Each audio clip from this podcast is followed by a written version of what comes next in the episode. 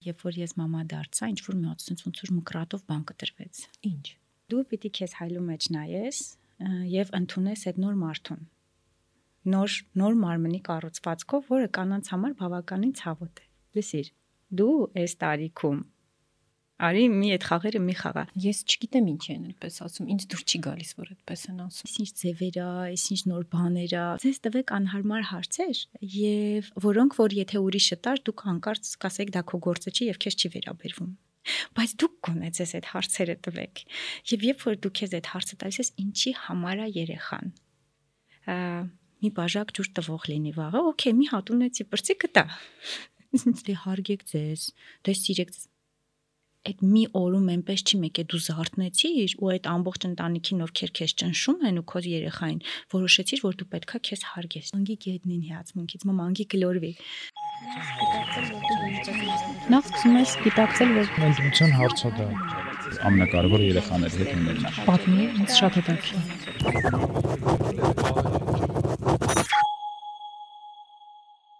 Արևջան բարև Ողջույն։ Արևոտ մարդ։ Միշտ որ քեզ ասում արև կամ իրար մեսիջ են գրում, չգիտեմ, անփոքրատարով գրեմ, թե մեծատարով, որտեվ թե մեծատարով անունը տա, բայց էությունը արևային է։ Դրա համար արև, արև, ասենց անընդհատ խաղում եմ այդ առաջին տարի։ Շնորհակալ եմ, որ եկար։ Ես եմ շատ շնորհակալ, որ վերջապես ես հասա։ Այո, Այո, վերջապես ինչքան դժվար գնաց։ Առավոտյան մտածում, ել երբ պիտի ես ու դու ունենայինք ժամուկես սենց հանգիստ խոսելու, հետո հիշեցի ինչքան ինչքան մի քանի ամիս է մենք փորձում ենք այս հանդիպումը կազմակերպել ու անչափ ուրախ եմ, որ ստացվեց։ Դարձանա ջան։ Արև ջան, 3 տարեկանի Ֆաբիանայի մայրիկն ես դու այսօր այստեղ։ Եվ առաջին հարցս կուզեմ տալ քո մասին։ Դու 3 տարեկան մայր ես ըստ էության։ Եթե քո դուստրի 3 տարեկան է, ուրեմն դու էլ 3 տարեկան մամա ես։ Ինչ զգացողություններ ունես։ Ոնց է 3 տարեկան Արև մաման։ Գիտես, առաջին անգամ ես ինձ 3 տարեկան մայր դիտարկեցի, որովհետև երբևէ այդ պրիզմայից չէի նայել, տենց մի քիչ շոկային էր այս բա, այսինքն ես Արևիկն եմ, Արևիկն եմ Համբարձումյան եւ 3 տարեկան մամա եմ։ Գիտես, դեռ չեմ զգում այդ որ 3 տարին անցավ այդ զգացողությունը չունեմ կարծես ինքան արագ է դա եղել ու այդ շատ ցավոտ է ինձ համար որովհետև ես շատ արագ վերականգնվեցի փորձեցի այսինքն շատ դանդաղ էր process-ը, երկար էր եւ դժվար էր, բայց ես պետքա այդ ժամկետների մեջ տեղավորվելով այդ process-ը անեի եւ ծանր շրջաններ ունեցա եւ երևի թե այդ դեպրեսիան, այդ տրավման, որի մասին մարդիկ շատ քիչ են խոսում, որովհետև դա գեղեցիկ չի, այդ մայրության, այդ պաթոսային, այդ ամբողջ պատկերը մի փոքր ոնց որ փչացնի, բայց քիչ-քիչ մոտենում ենք նաև մենք ավելի իրերը իրենց անուններուն անուններով տալու այդ տենդենսին ես չեմ զգացել երևի ես 3 տարին ոնց է անցել որովհետև պարտականությունները մամաների մի քիչ ավելի լայն է բազմաշերտ է դրան զուգահեռ նաև դու որպես անձ պիտի քեզ զգաս բայց ես միշտ ասում եմ որ օրինակ ծննդաբերությունից հետո օրինակ նույն կեսարյանից հետո դու զարթնում ես լիովին այլ մարդ ինչի նկատի ունես արև? Այլ մարդ քո մարմնով քո հայացքով չեմ խոսում դեռ արժե համակարգի զգացմունքների, այլ ավելի շատ հենց ֆիզիկական։ Երբ որ դու պիտի քեզ հայլու մեջ նայես եւ ընդունես այդ նոր մարդուն։ Նոր նոր մարմնի կառուցվածքով, որը կանանց համար բավականին ցավոտ է։ Եվ քեզ չեն նախապատրաստել դրան։ Օրինակ քեզ նախապատրաստել են պարտեզում դպրոցին, դպրոցում քեզ նախապատրաստել են, որ դու բուր պիտի գնաս եւ այլն, բայց քեզ չեն նախապատրաստել մամայության ոչ ոք քեզ չի պատմել դրա մասին։ Եվ քանի դեռ դու չես անցել դրա մեջով, դու չգիտես դա ինչ է եւ դու բախվում ես քեզ լիովին անծանոթ մեկ այլ մարդու մամայի։ Բարև, Արևիկ մամա։ Ու դու երբեմն նաև մոռանում ես քեզ մինչև այդ կեսարյանը։ Եվ այդ մինչ եւ հետոն կարծես թե միշտ պետք է ինչ-որ մեկը, որ օգնի քեզ ծանոթացնելու քեզ քո հետ դա անպայման չէ լինեն տանը հարազատները, դա գուցե հենց քո բալիկն է, որ պիտի գա ու քեզ ծանոթացնի եւ ձեզ բերի իրար մոտ գուցե դա հոգեբանն է, գուցե դա ուտար մեկ այլ մայրիկն է, բայց անպայման այդ երկու անձնավորությունների հանդիպումը տեղի ունենում։ Դու կարող ես 3 տարի հետո հասնես դրան, երբ որ ինչ որ մեկը քեզ ինտերվյուի ժամանակ ասի, որ դու 3 տարեկան մայրիկ ես ու դու մեկ էլ ահա բարև արևիկ մայրիկ ու նոր սկսես դա վերաիմաստավորել։ Դրա համար այդ զգացմունքները բարերի վերածել, շարադրել, գուցե շատ դժվար է, որովհետև դու պիտի պատմես այդ ամբողջ 3 տարին դու ոնց ես զգացել։ Նախ պիտի ինքդ հիշես, հետո զգաս, հետո կարողանաս բառերով պատմել փոխանցել։ Գիտես, հիշելը ինձ համար հիմա վերջերս նկատեցի, որ ես կարծես թե մոռանում եմ Ֆաբիանան 1 տարեկանում ինչպիսին է եղել։ Այդ եւս մեկ առիթ է այդ ինքնա խարազանվելու, մեղքի զգացումը ավելի սրելու, որովհետև ինձ թվում է թե ես չեմ վայելել այդ ընթացքը իրականում ես անդադ իր կողքին եմ եղել ինչպես ցանկացած մայրիկ աշխատել եմ զուգահեռ իմ առօրյան բայց ես քանի որ մոռանում եմ ես բացում եմ նկարներ իրեն եմ 1 տարեկանում ասում եմ չեմ հիշում իրան այսպեսին հասկանում եմ որ դա եղել է դեպրեսիայի հետևանքը եղել է այդ տրավման որ ես գրեթե 24 ամիս չեմ քնել եւ Ֆաբիանան այնպեսի բալիկ էր ով որ ուղակի կախված էր ին վրայից ինքը կախված էր իմ իմ, մարմնին կպած էր, ինչ իմ այլ կպած է եւ ես ուղղակի մենք անդադ միասին ենք եղել, դրա համար էլ գուցե չեմ հիշում իրան այդ առանձին կողքից իրան նայելու, զգալու իր դեմքը հիշելու մեկում երկուսում ես այստեղ եւ հիման եմ տեսնում իրեն բայց որ ասեմ անցած տարի նախ անցած տարի իմ զգացմունքները ինչպիսին եղեն բավականին քաոտիկ քաոտիկ, որովհետև դու սկսում ես ինքդ քեզ փնտրել այդ նոր դերի մեջ։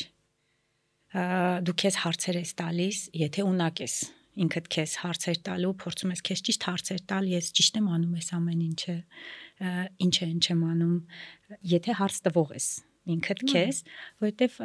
կա նաև մյուս տարբերակը, երբ որ այդ ամենը բավականին օրգանիկ է լինում, շատ բնական է լինում, որովհետև կորցում ես։ Հա, ես կարծում եմ, ես կարծում եմ նաև տարիքը այստեղ մեծ նշանակություն ունի։ Տարիքը, սոցիումում դիրքը, կարիերան, զբաղվածության, աստիճանը զբաղվածության ոլորտը վերջերս խոսում ենք այն մասին, որ կա աշխատանք, կա կարիերա եւ կա միսիա որի շուրջ որ դու աշխատում ես, որովհետև մի մայրիկ ինձ ասաց, գիտես, ինձ համար իմ երեխան ապրիարից է, ես կարող եմ հենց իմ այլ գործից դուրս գալ, հետո ուրիշ տեղ գործի ընդունվել, բայց նույնը ես չեմ կարող ասել ոչ թե պրիորիտետի իմաստով ոչ թե առաջնահերթության բալիկի այլ գործից դուրս գալ ուրիշ գործի գնալ այստեղ բայց դա դու ես ընտրել միսիայի այո այո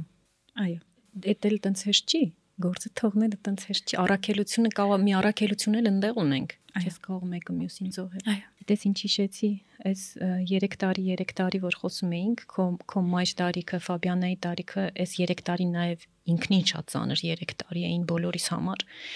ու այդ սարսափելի ամիսներին, երբ որ ստացա քեզանից մի հատ վիդեո, հիշում ես, ասացիր, անցքում եմ, որ լավ չես, այս ուղարկեմ մի հատ սփոփվի։ Ու ես անտեղյակ, որ սա արդեն քոնն է, դու արդեն բալիկ ունես։ Հեն որ sense բախես ինչ համովնա բան, ինչ ասես մտքով sense ապարսվեց Ֆաբիանան, քո ձակը։ Այո։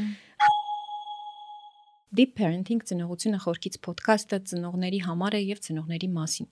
Ուզում եմ շնորհակալություն հայտնել այն մարդկանց, ովքեր կամած կամած այս ցաներ ամիսներին հավաքվեցին մեր համայնքի շուրջ, մեր Facebook-ի, Instagram-ի, YouTube-ի ալիքում տեսնում ենք երիտասարդ զույգերի, ծանոթ ծնողների, ովքեր կարծես ձերքով ընտրված լինեն, սրանից ավելի մեծ երջանկություն ես ակնկալել չէի կարող։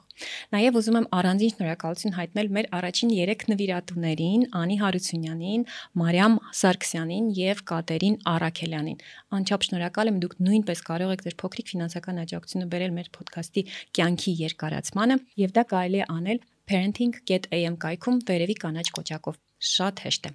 Եվ իհարկե ֆինանսականից զատ մեր ոդքասթի համար մեծ աջակցություն է հենց հիմա ձեր դրած սրտիկը, գրած մեկնաբանությունը կամ տարածելու կոճակին սեղմելը դա ձեր համար փոքրիկ մի բան է, իսկ մեզ համար շատ կարևոր մեր զարգացման համար։ Արև, գիտես, նենց հետաքրքիր թեմայի կապար դա առողջությունն է ֆիզիկական։ Շատ են ասում, որ երեխայի ծնվելուց հետո կինն առողջանում է։ ես 18 տարվա մամա եմ համարյա ու ես չեմ հասկանում այդ այդ բառակապակցության իմաստը։ Դու համաձայն ես դրա հետ։ Ոչ եթե մենք ոչ թե խոսենք, որ մշակութային տենց լավ կոնցեպտներ կա մշակված, որ մամային հուսադրեն, որ ինքը երկրորդ, երրորդ բալիկներ ունենա, որտեվ ես հավատում եմ, որ սրանք ուղակի մշակված կոնցեպտներ են եւ դիրքորոշումներ են, որ մեր գլխի մեջ լինի, մենք ասում են դե բան երեխայից հետո դու ուժերդ ավելի է ծաղկում, բան դա հիմնականում եթե մենք նայենք գիտության, բժշկության եւ այլ տեսանկյուններից միանշանակ ոչ Օրինակ ես այստեղ եւս այն տարիքը, որ բնությունը սահմանել է, որ կինը մայր դառնա, իզուր չէ։ Մենք մենք չենք կարող բնության հետ խաղեր խաղանք։ Եվ երբ որ մենք փորձում ենք բնության հետ մտնել այդ պայքարի մեջ, պայքար ասեմ, թե ուզենք իրեն ապացուցել, որ ոչ, գիտես, ես 40-ում էլ հանգիստ կարող եմ մի երկու տարի չքնել, ինքը մեզ պատասխանը տալիս է, պատասխանը տալիս է մի քանի կետերով, օրինակ միգրենով, օրինակ ուսահոդի բորբոքումով, օրինակ ողնաշարի պրոտուզիայով եւ այլ տարբեր ազդակներով, որ լսիր, դու այս տարիքում Արի մի այդ խաղերը մի խաղա։ Ես գիտեմ, որ հիմա շատերը կլսեն, կասեն, բայց այսօր ամբողջ աշխարհը այնքան է զարգացած, որ մարդիկ 45-ում պլանավորում են, գուցե ես էլ պլանավորեմ։ Խոսքը սրա մասին չէ։ Խոսքը նրա մասին է, որ 25-ում դու այլ կերպ ես չքնում։ Հաստատ։ 39-ում այլ կերպ եւ միանշանակ այնպես չի, որ բալիկին ունենալուց հետո քո ուժերը կրկնապատկվում են։ Եթե մենք նայենք ուղակի գիտության ուղությամբ չքնելը տոտալ ազդում է մարդու առողջության վրա։ Եվ եթե մենք դրան գումարում ենք կերակրելը, եթե դրան գումարում ենք զուգահեռ աշխատելը, տան հոգսերը, երեխայի ուղակի ապահովել ապահովումը, հա, իր անվտանգությունը ապահովելը եւ այն մնացած մնացած չեմ էլ ուզում թվեմ, որտեվ այնքան մեծ է այդ սպեկտրը անելիքների, այստեղ խոսք չի կարող գնալ առողջության մասին։ Այստեղ երևի թե ինչ որ մի պահ գալու, որ վերականգնողական process-ներ լինեն։ Ինձ այնքան դժվար էր ես այդ տարբերությունը զգացի երեխաներից մեջ տարբերությունը մեծ է առաջինի դեպքում երբ 29-ում պիտի չքնեմ ու երկրորդի դեպքում երբ պիտի 36-ում չքնեմ սարու ձորը։ Ես չգիտեմ ինչ են այդպես ասում, ինձ դուր չի գալիս, որ այդպես են ասում։ Ես համաձայն չեմ, որ կինը։ Ես էլ համաձայն չեմ, իհարկե։ Մաշկիցս բռնած ես լրիվ ուրիշ մարդ դարձա։ Անկեղծ ես մի քանի առողջական խնդիրներ ձեռք բերեցի երեխայի ծանրությունից, գրկելուց, չքնելուց, չհասցնելուց նորմալ սնվել եւ այլ դու ինքան լավ տեսք ունես, sense խոսում ես, ես մտածում կա, ինչ որ մի հատ ուրիշ արելիքի հետ եմ այսօր այստեղ։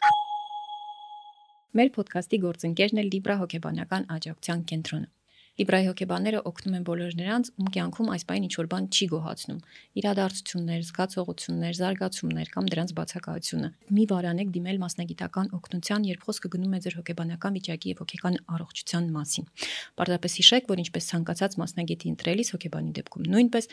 կարելի է ճշտել նրա բարձրագույն մասնագիտական կրթությունը եւ միայն դրանից հետո վստահել նրան ձեր կյանքը։ Լիբրայի մասնագետները աշխատում են Երևանի Կոմիտաս 12 հասցեում գտնվող իրենց կենտրոնում, ինչպես նաեւ իրականացնում են արցանց խորհրդատվություններ։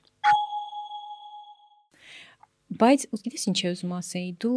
այնքան կանացի ես արև, այնքան խնամված ես, այնքան գեղեցիկ ես եւ այդ գեղեցությունը բազմապատկում ես քո խնամվածությամբ, դա ջանք է ըստ որում փոքր ջանք չի եւ տևական ջանքա եւ մշտական ջանքա, որովհետեւ դու միշտ ես այդպեսին դաշնակում, դու ներդրվում ես դրա մեջ եւ այդ ջանքերը դնում ես, որովհետեւ դա քեզ համար կարեւոր է։ Օրինակ, կանացիությունը, խնամվածությունը։ Դու կուզես Ֆաբիանան նույնպես այդպեսին լինի։ Դու գտնում ես, որ դա այնքան կարևոր է, որ կուզենանք, որ մեր երեխեքն էլ մեր նման են, դու կուզենաս, որ հենց Ֆաբիանան լինի այդպես միշտ կանացի, միշտ խնամված, միշտ այդպես հարդարված, գեղեցիկ, կատարյալ։ Չեմ վախենա այդ խոսքից։ Շատ շնորհակալ եմ։ Իսկապես ինքնագնահատական ավելի ամրապնդող այսպես խոսքեր ասացիր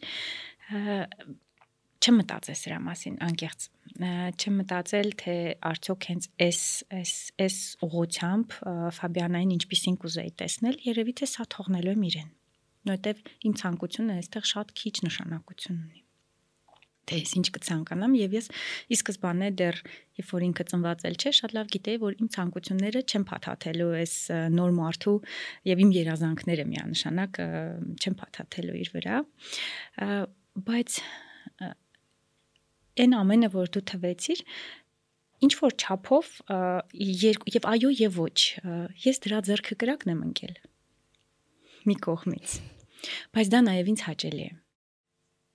բայց զուգահեռ ես աշխատում եմ, ներքին աշխատանք եմ տանում ձերբազատվել։ Չի ասի, որ դա ձև է առանց բովանդակության, բայց նաև դա շատ խանգարող է, ժամանակատար է, ռեսուրս է պահանջում, հավելյալ ռեսուրս է պահանջում, լարում է, ինքդ քո հետևից ընկնել է ինչը չի ուզի Ֆաբիանայի պարագայում եւ ես կարծում եմ եթե մենք նայենք այսպես ավելի 10-20 տարի հեռանկարով միանշանակ մազ հարթարված մազերը, հարթարված եղունգները եւ այս ամենը ես կարծում եմ, որ գնալու են ավելի 3-րդ, 4-րդ, 5-րդ պլան եւ բովանդակային գիտելիքի արժեքները արժեքները գալու են առաջ եւ ես Ֆաբիանային ավելի շատ կուզեի տեսնել այս ամենից ձերբազատված, ազատ չէ որ ցանկացած բան, որ մենք անում ենք մեր արտակինի հետ, դա հա, հասարակության պարտադրանքն է։ Այո եւ ես ուղակի կուզեի իրեն տեսնել այդ համակարգից դուրս եւ նաեւ ինքը կարծիք թելադրողը լիներ այս դեպքում գիտելիքի այլ արժե համակարգի եւ ինքը լիներ օրինակը եւ այդ փոխողը այս ամենը Միևնույն ժամանակ ես հիմա դրա կրողն եմ եւ որպես օրինակ հանրային մարդ, հանրային կարծիք ձևավորող, ես իմ արտակինով այդ տոնն եմ թելադրում։ Այո։ Ինչը չի ուզի, որ Ֆաբիանան դրա շարունակողը լիներ որտեվ ես դժվար թե հիմա կարողանամ հասարակության կարծիքի ճնշման տակից դուրս գալ եւ փոփոխություն անել։ Չնայած հաճախ փորձում եմ խոսել այդ մասին եւ փորձում եմ, չգիտեմ, օրինակ, հա, եկեք առանց ֆիլտրեր նկարներ հրապարակենք, որ մենք մեր իրական դեմքը չմոռանանք։ Բայց հավատում եմ, որ 10-20 տարի հետո այս ամեն ինչը շատ ծիծաղալի է լինելու։ Համենայն դեպս ես չեմ խոսում լոկալ, ավելի լայն իմաստով, երբ որ օրինակ Ֆաբիանա սովորելուց լինի մի ինչ որ մի տեղ գուցե մի կրթական բան ընտրի, որ դա Հայաստանում չլինի։ Ես պատկերացնում եմ, որ ինքը այս ամեն ինչից շատ դուրս է լինելու։ Իսկ Ֆաբիանան այդպեսինն է։ Ուրեմն, երբ որ Ֆաբիանայի առաջին ուզիներն էր, մենք գիտեինք, որ տղա է ծնվելու։ Եվ դեռ երկար մի քանի ամիս էլ այդպես տղա էր ինքը, ինչ որ մի պահից ինքը հասկացա, որ ամեն դեպքում պիտի Ֆաբիանա լինի եւ հիմա էլ իր մեջ կարծես երկու հոգի լինեն, հա, ինքը շատ sense տղայական է, իր շարժու ձևի մեջ, իր դիշկավորման մեջ, իր պահվածքի մեջ, ըմբոստ ինքնակազմակերպած, ինքնուրույն, ձիգ այսպես փամփլիկ աղջիկ չէ, ով օրինակ հակոստի համար կարող է ուրախանալ, որովհետև երբ որ ես մտնում եմ տուն, իրեն ասում եմ, քեզ նվեր եմ բերել, եւ դա լինում է հակոստ, ինքը մեծ հիասթափություն է ունենում ես նկատել եմ, որ հակոստը, վարթագույն կիսաշրջազգեստը եւ այն բաները իրեն այդքան չեն ուրախացնում։ Իսկ դու տխրում ես այդտեղ։ Ոչ Ինչ լավ։ Ես մի քանի անգամ այսպես զորեցի, որ դա սենց իրեն սովորացնեմ, որ արի թագ դնենք, փայլիկներ անենք, էս անենք, հետո հասկացա, որ ինքը արդեն իսկ եկել է ինչ որ մի ձևով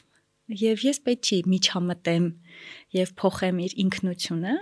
եւ սկսեցի չխորանալ դրա վրա եթե իր համար դա նոր գիրքը նոր խաղալիքը նոր puzzle-ն է լինելու որպես նվեր այո ինքն էլ այո ինչ որ ասում է ինձ փայլիկ կսեք ինչ որ միտեղ գնալուց եւ այլն այնպես չի որ բայց իր համար առաջնահերթություն չէ այդ ամեն ինչը օրինակ գեղեցիկ կոշիկը որի վրա ինչ որ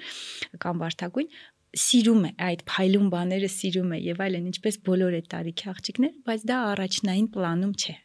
Ես չեմ տխրում դրանից։ Այդ շատ լավ է, որ դու չես տխրում։ Անկամ լավա, որ եթե անգամ մենք տխրեինք, որ իրենք այնպեսին չեն, ինչպեսին մենք ակնկալում ենք իրենց լինել, թող լինեն այնպեսին, ինչպեսին կան։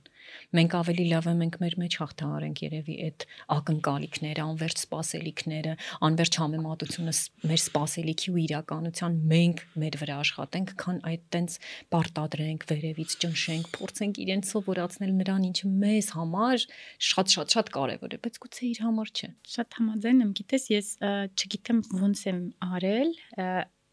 իմ ակնկալիքները հասցրել եմ 0-ի։ Այսինքն ես ոչ մի ակնկալիք չունեմ իր հետ կապված։ Հոյակապ է եւ մեկ-մեկ վախենում եմ դրանից։ Ասում եմ կարող է ինչ որ ես սենց 0 եմ հասցրել, ես իմ պահանջները եւ այլն, որովհետեւ երբեմն ծնողներ կան, ովքեր սանդղակ են դնում, ասում են դու պիտի հասնես ես։ Կարող է ասում եմ դա չանեմ, հանկարծ ինչ որ մի բան են չգնա, բայց ես շատ վստահում եմ այն հանգամանքին, որ ես ի վերուստ տրված ծնող եմ։ Ի վերուստ ինձ տրվել է ծնող լինելու հնարավորությունը, ապարքևը։ Եվ ես պետքա վստահեմ դրան, թե ես ինչպիսի ծնող եմ։ Հմ, հետաքրքիր է։ Ես վստահում եմ առաջին հերթին իմ բալիկի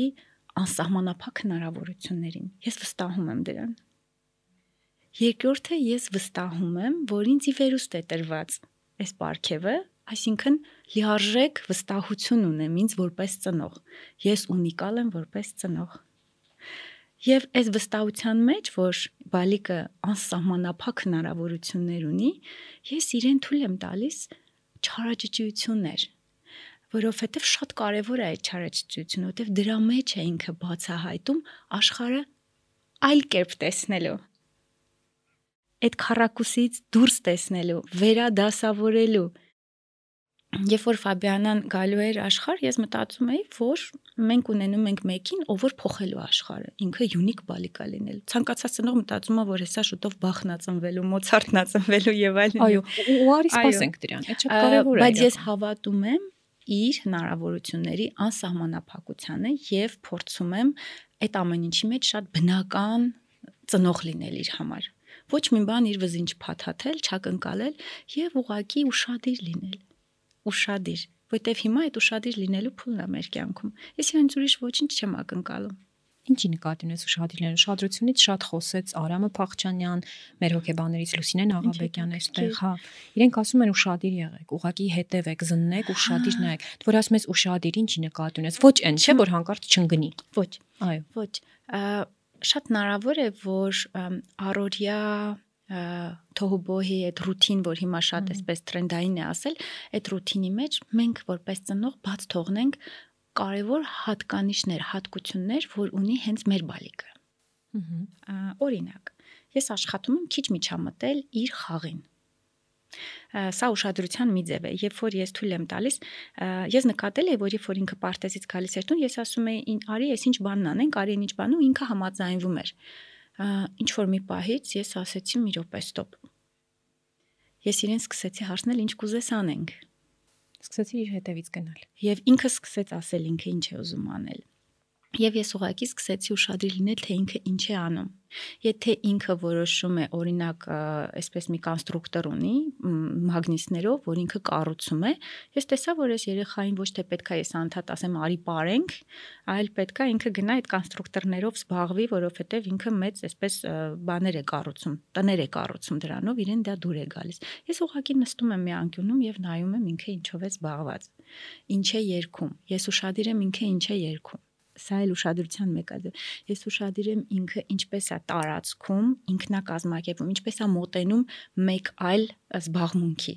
անցումը։ Ինչքան ժամանակ անցկացրեց դրա վրա, արդյոք ինքը ունի ֆոկուս։ Արդյոք ինքը կարողացավ ավարտին հասցնի այս process-ը եւ հետո անցնի մյուսին։ Եթե չէ, ես սկսում եմ իր մեջ զարգացնել համբերատարությունը եւ գործը մինչեւ վերջ ավարտին հասցնելու հատկությունը։ Այսա ուշադրությունը օգնում է ինձ։ Հաջորդը ասաց արի նկարենք, ես ուզում եմ նկարեմ։ Եվ ես նկատել եմ, որ ինքը նկարելու ժամանակ շատ է ուզում, որ ես մասնակցեմ իր հետ։ Okay, ես ուշադիր եմ, որ այստեղ իրան օգնություն է պետք։ Իրան պետքա նաև, որ ինքը հիանաս իր գործով։ Այնքան ուշադիր եմ եղել, որ նկատել եմ, որ ինքը միշտ ուզում է գնահատական։ Ինչից ես խուսափում եմ։ Ես խուսափում եմ, որ ինքը գնահատականի համար անի, բայց հետո հասկացա, որ ինքը դա անում է ոչ թե գնահատականի համար, այլ անում է, որ ես հիանամ։ Իրան հիացմունքա պետք։ Այո, իրան պետքա, որ ես հիանամ, ինքը ասում անգի գետնին հիացմունքից, մամ անգի գլորվի։ Ինքը ամեն ինչ ասում է։ Ցանկացած երեխա ամեն ինչ ասում է, երբ որ դու ուշադիր լինես, եւ ոչ թե դու իրան թելադրես։ Երբ որ լսող կա, սկսում են ասել, իսկ երբ որ ասում են դու դեռ փոքր ես, դու դեռ դմբո ես, ընդհանրապես այն ինչ ասեցի իրական։ Գիտես, Անա, շատ դժվար է այս ամենի մասին մենք գեղեցիկ խոսում ենք, չէ, բայց գործնականում հիմա օրինակ մի ծնող, ով օկնող չունի իր կողքը, ով այս երկրորդ բալիկն է ծնվել, փոքր է, պետք է ինքը հասցնի ինտրիքը պատրաստի, լվացք է երեխու շորերը հարթուկ եւ այլն, այս այս գեղեցիկ բառերը, այս ամեն ինչ այնքան իր վրա կազդեն վատ, ինքը կասի, ինչ եք խոսում, հələ եկեք իմ տեղը մի հատ։ Ես միշտ ինտերվյու ընկերություններում ուզում եմ ինքս իմ խոսքը այնքան զգուշ տանեմ, ոչ չստացվի այսպես sense անդունդ կա։ Այն ես այսպես գեղեցիկ եմ, ոչ, ես էլ ունեմ, որ հոգնած եմ գնում անջի, ես էլ եմ մեկ-մեկ ճնշելով ասում, չէ, մենք հիմա ոչ մի բան չենք անելու, մենք հիմա պետքա ուղակի գնանք ատամները լվալու։ Ամեն ինչ այդպես գծագրված, հարթ, գեղեցիկ եւ ֆիլմային ու գրքային չի լինում։ Բայց թե նման զրույցները թե մեր փորձարկումները պիտի տանեն նրան, որ մենք սկսենք շատ խոսել այս ամեն ինչի մասին, ասել, որ մենք էլ ունենք այդ դժվարությունները։ Մենք էլ այնպես չի, որ անընդհատ նստած ու շատ իր դիտարկում ենք, այսպես պարապենք, բան չունենք, նստած մի անկյունում նայում ենք երեխան ինչով է զբաղվում։ Ոչ, բայց ես ինքս աշխատանք եմ տանում, որ ես ավելի քիչ իրան ասեմ, չի կարելի։ Ավելի քիչ մասնակցեմ, ավելի քիչ պարտադրեմ իմ ցանկությունները եւ իմ պատկերացումները, թե ինչով պիտի ինքը զբաղվի։ Սա դժվար է։ Ես վստահ եմ, ալշուտ վստահ եմ, որովհետև մեզ գրում են, մեր ոդքասթին շատ են գրում, որ դուք մեզ օգնում եք հազար ու մի բան վերա իմաստավորել, հասկանալ, դրա համար անգամ այս ուշադրությունից խոսելը, երբ մայրը ունի այդ րոպեներ ու երեխան կողքն է, ուղղակի ուշադիր նրան զննել, չմիջամտել, չխանգարել, ուշադիր զննել, այդ ուշադրության արդյունքում քաղել շատ ինֆորմացիա երեխու մասին ու հետո հասկանալ ինչ անել այդ ինֆորմացիա, օրինակ եթե ունենք կենտրոնացման խնդիր, ամպերատարության խնդիր, կարողանանք դա երեխու մեջ զարգացնել։ Դրա համար կուզեմ որ նաև սա խոսվի։ Այո, չստեղծվի պատկեր, որ մենք այստեղ բոլորս կատարյալ ենք, այդ այդպես չէ, բայց նաև նաև մեկ-մեկ ամենաթանկ բանը երևի այս տեսակ ոդկասթից ինչ ես եմ քաղում, դա ինսայթներն են։ Ես չեմ կարող վերցնել ու գնալ անել այն ինչ լսեցի։ Վստահաբար ոչ։ Մենք մեր ծնողի դպրոցում էլ որ գալիս ենք, մայրը գալիս է հույսով, որ հեսա մենք իրենք ասենք ինքը ինչ անի, ինքը գնահատուն անի։ Ու երկար ժամանակ է գնում նրա վրա, որ բացատրենք, որ այդ այդ դուք գիտեք ինչ եք անելու, մենք այստեղ ով ենք, որ ձեզ ասենք դուք ինչ անեք տանը, բայց այդ մտքերը, որով դուք այստեղից կգնաք, իրենք ահռելի գործ կանեն տանը, կփոփոխեն այդ ձեր ձեր վերաիմաստավորումները, ձեր հուշում, այն հուշումները, որ տալիս ենք, հա էլ կա, դրա համար երևի պետքա պետքա խոսենք, բայց հա պետքա խոստովանենք, որ ամեն ինչ հեշտ չէ։ Այն որ մենք կարողանում ենք նստել ու շատիր հետևել երեխային, դա մեզանից ջանքա պահանջում, ժամանակա պահանջում, ռեսուրսա պահանջում, բայց կա իմանանք նաև դրա մասին, այսինքն պիտի միտեղից լսենք, որ դա եւս մեր աշխատանքն է եւ դա շատ հեշտացնելու է հետո մեր եւ երեխայի հարաբերության համար։ Սիրելի հետևորդներ, ունենք լավ նորություն Այսուհետ մեր YouTube-յան ալիքի բոլոր տեսանյութերի տակ կարող եք ակտիվ գրել մեկնաբանություններ, իսկ մենք կընտրենք մեկին, ում կնվիրենք մեր կողմից հրատարակված բազմաթիվ գրքեր ծնողավարության մասին։ Այս գրքերը հրատարակվել են UNICEF-ի աջակցությամբ, ոչ մի գրախանութում չեք գտնի, բոլոր գրքերը անգին են ծնողավարության թեմաների շուրջ հայալեզու գրականությունը հարստացնելու առումով։ Այո, մեզ շատ պետք են ձեր մեկնաբանությունները եւ մենք մտածել ենք միջոց դրանք խթանելու։ Իսկ թե ինչ գրեք հուշեմ։ Գրեք թե ինչն եք հատկապես հավանել այս հյուրի հետ մեր զրույցից եւ ամենակարևորը ինչու։ Երբ շատ վաղուց զանգել էի, որ քեզ հրավիրեմ ոդկասթի, այն որ ամենաառաջին անգամ զրուցեցինք, խոսք գնաց նրանից, որ դու մամայիդ ես կարոտում, որ դու կարոտում ես քեզ որպես երեխա։ Հիմա ուզում էի խոսել հենց դրանից դու որպես քո մամայի երեխա, դե մենք էլ ենք մեր մամայի երեխան վերջին աշվանկախնից քանի տարեկան երեխա ենք։ Ինչն է ամենաշատը կարոտում։ Այ հիմա ես 2000 թվականից Վանաձորից տեղափոխվել եմ Մայրաքաղաք եւ գրեթե 16 տարեկանից եղել եմ մամայից հեռու, բայց մամային շատ մոտ մտքով, սրտով, հոգով։ Անընդհատ մաման իմ կողքին, ես մենք միասին ենք աճել, այս ամբողջ տարիները իմ բոլոր դժվարությունները մենք շատ մտերիմ ենք մամայիս հետ։ մենք շատ կապված ենք այսպես իրար հետ, անգամ միևնույն ժամանակ իրար հետ կարող ենք ուղակի խոսել առանց հեռախոսի, հետո բանից բարձր որ մենք միևնույն ժամանակ միասին էինք, այս կապը կա, այս կապը տարիների ընթացքում ուղակի ավելի զարգացել, ավելի ամրապնդվել է բայց ես միշտ նաև հիմա այլ հարաբերությունների մեջ, ընտանիքում, ընկերների հետ եւ այլն, ես միշտ փնտրում եմ այն սերը, որը ավելի ծնողական է քո մյուս հարաբերությունների մեջ նույնպես ուզում ես շրջապատում, այո, միշտ Ուրեմն ինչ որ մի բան կա, որ քեզ պակասում է, արը։ Ոչ։ Ես սերը անցալում եմ հենց այդ այդ ֆորմայի մեջ հոգատարության մեջ եւ ինքս մամայական սիրով եմ միշտ անգամ տարիքային, եթե կա ինձանից ավելի մեծ մարդ, ես նկատել եմ իմ վերաբերմունքը նորից մայրական է։ Անկամ միշտ ինչ մայր դառնալը ես էլի մայրական վերաբերմունք եմ ունեցել իմ անձնակազմին, իմ ընկերներին։ Եվ և Հիմա երևի ավելի շատ թույլ չեմ տալիս, որ շատ ուժեղ կարոտի վերածվի իմ ու մամայի, այսինքն հիմա շատ քիչ եմ հասցնում մայրական տանը ժամանակ ունենալ եւ եւ նկատել եմ, երբ որ ես մամա դարձա, ինչ որ մի հատ ոնց ոնց որ մկրատով բան կտրվեց։ Ինչ։ Առաջնահերթությունները փոխվեցին Փառք Աստծո, ես այնպիսի ծնողներ ունեմ, ովքեր դա չեն արտահայտում։ Ես տեսել եմ դեպքեր, երբ որ ծնողը անդադ ասում է, ինչի չզանգեցիր այսօր ինձ, ինչի ուշադիր չեք ինձ եւ այլն։ Իմ մամայի պարագայում դա լեովին այնքան խոր գիտակցված է ինքը դրանից երջանկանում է, որ իմ մոտ կյանքում ի վերջո եկավ մի փուլ, երբ որ ստորակետ դրվեց։ Ինքը դրանից երջանիկ է։ Ինքը երբ որ Կիրակի օրը ինձ չի զանգահարում, ես հասկանում եմ, որ ինքը մտքում երջանիկ է, որ իմ մոտ ամեն ինչ շատ լավ է։ Ես կուզեի իր նման մամա լինեմ։ Այդ խոր մայրական գիտակցումով, որ ինքը ինձ չի զանգում, որովհետև իր մոտ ամեն ինչ շատ լավ է եւ ես դա հասկանում եմ։ Ինչքան էլ որ հիմա մեր մամաները մեր կարիքը ավելի շատ ունեն, երբ որ մենք զանգահարենք ու մենք լիքը խոսենք, մենք լիքը խոսենք ու պատմենք։ Վերջերս ես մի մամայիս հետ մի զրույց ունեցա, որովհետև եկել էր մի պահ իր կյանքում մենք բոլորս մեծացել ենք եւ իր մյուս թորնիկներն էլ են մեծացել, իսկ Ֆաբիանան հերո է Իրանից եւ ինքը առավոտյան երբ որ արթնանում է, ինքը հարց է տալի, բա հիմա ինչ պետք է անեմ։ Որտեվ ինքը այնքան ածուլվել մամայության մեջ, որպես անձ, որպես անհատ, չի ճանաչում ինքն իրան եւ բացի հոգ տանելը եւ մի բան անելը եւ ծառայելը որպես մայր, քանի որ հիմա այդ ֆունկցիան դադարել է ինչ որ չափով, մենք ել իր այդ կարիքը չունենք, այդ գիպերապեկայի կարիքը չունենք, այս կնոջ մոտ շփոթմունք, դեպրեսիա, շփոթմունք, բա հիմա բա հաջորդ, բա ես հիմա ինչ անեմ, ինքը միշտ ակտիվ պետքա մի բան անի, պետքա հարց լուծի, պետքա հոգ տանի։ Դրա համար մյուս կողմից էլ վախենում եմ, որ ես չկորեմ այդ մամայության բանի մեջ։ Ես եւ մեկ մեկ մեկ իրան ասում եմ դու շատ շատ կամիկաձե մամա ես, չի կարելի այդ աստիճանի։ Իսկ դու այդ աստիճանի չէ։ Որտեղ դու ժամանակը կատարելապաշտ ես ինքդ։ Եվ ինձ թվում է Ֆաբիանայի դաստիարակության մեջ էլ դա զգում եմ, որ ամենալավ տեղը հաճախի ամենալավ հակոստը հակնի ամենալավ սնունդը ուտի սա էլ հասցնեմ պոստերիտ եմ հետևում վերջին տարիներին իսկ խորհուրդ կտակ որտեղ կարող եմ այսինչ թատրոնը տանել կամ զգում եմ որ դու դու փնտրում ես այդ կատարյալ դա այնքան բնական է դա այնքան բնական է որ սիրուց դրթված ուզում ենք լավագույնն անել երեխու համար բայց դու հիմա բերեցիր մամայի օրինակը դա կամիկաձե մամայի նմանվելու որտեղ է այդ սահմանը ոնց ոնց անենք որ շատ լավ բան ասացիր որ շատ կարևոր ինչի մասին կուզեի խոսել այդ ամենալավը անելու սա շատ լայն է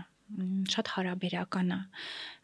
եթե դա ամենալավ հակուսն է, դա չի նշանակում, որ դա ամենաթանկ հակուսն է։ Դա իմ բարագայում նշանակում է շատ հարմար հակուստ։ Բնական կտորից օրինակ։ Այո, ես մեկ-մեկ ասում եմ Ֆաբիանան իր պարտեզում երևի միակն է, որը հայկական արտադրության բան է հակնում, մայկա է հակնում տա շապիկ։ Շապիկը, այո, կամ օրինակ, չգիտեմ, ինչ որ լեհական հողաթափիկներն, որովհետև դրանք որակով են եւ հարմար են ոդքին, օրթոպեդիկ են, չգիտեմ ինչ են, բայց դա բնավ նրա մասին չի, որ դրա վրա ինչ որ թանկարժեք լոգո դրված լինի, որովհետև ի սկզբանե մենք որոշել ենք այսպես կատեգորիկ, որ ինքը ինչ որ բրենդերի մասին չպիտի իմանա։ Ինքը չենք ուզում պատկերացում ունենա, թե դա ինչ է եւ Փարքաստու չկա, այդ հիմքը չի դրվել եւ ամեն ինչ ավելի ֆունկցիոնալ է գնում, այսինքն որ մեթոդով ինքը գնա պարտես, որ մեթոդը մեզ հարմար լինի։ Որ սնունդն է, որ իրեն պիտի վնասի։ Օրինակ հիմա շատ էսպես ակտուալ, բոլորը երկու մասի բաժանված են՝ շաքար տալ, չտալ։ Մենք միշտ այդ խնդիրը ունենք։ Ինձ երբեմն ասում են, «Էս ինչ ձևեր է, էս ինչ նոր բաներ է, շաքար, թե չէ որ մենք մեծացել ենք ամեն օր հաց կարակ եւ շաքարավազ իրար հետ ուտելով»։ Ես էլ շատ քաղցրակեր եմ, ես ինքս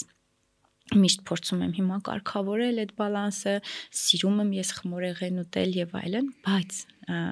նաև ես արդեն ունեմ այն գիտակցությունը, որ Ֆաբիանան պետքա չծանոթանա շաքարավազի հետ։ Ինձ ասում են, հեսա այդ այդ բանը, որ ինձ ասում են, հեսա կտեսնես, հեսա որ ինքը սկսեց արդեն ինքնուրույն իր դասարանի հետ տեղ գնալ, դու կյանքում չես կարողանալու իմանալ ինքը կոկա-կոլա խմեց թե չէ։ Ախր մեր պայքարը այդտեղ չէ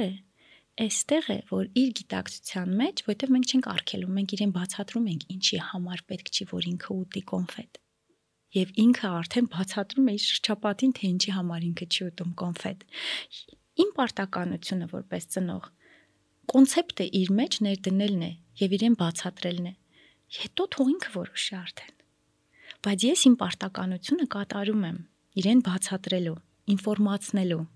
լուսավորելու։ Վերադառնալով հարցին, Ես կարծում եմ ցանկացած ծնող այդ մտածմունքների մեջ է, որ ինչ անի, ոնց անի։ Մեկից մոտ դա լավ է ստացվում։ Օրինակ մենք կարողանում ենք մեկ հատ գրառումով լավագույն բաները գտնել։ Մյուսը ինչև վերջել չի իմանում, որ կարող էր օրինակ 500 դրամ տոմս առնել եւ տեխնիկային տանել ու այսպես էլ այդ ինչ ինֆորմացված լինելու խնդիրն է լինում եւ այլն։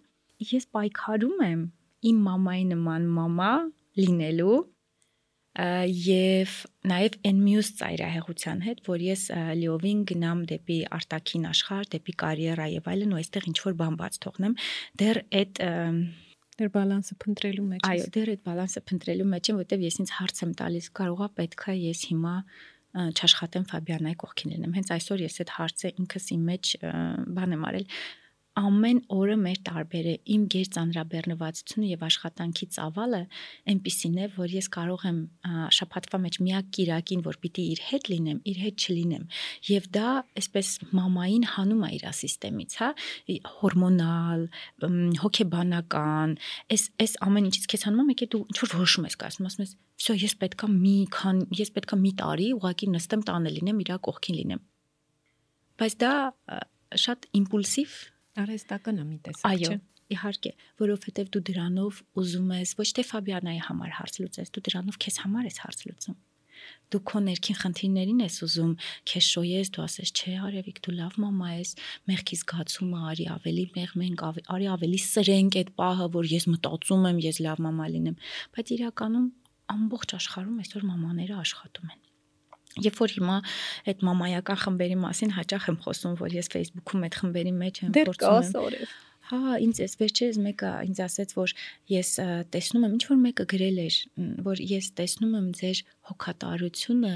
այլ մամաների հանդեպ այդ մամայական խմբերում, ձեր ապրումակցումը։ Փաստորեն դա ինչ որ մեկին օգնում է։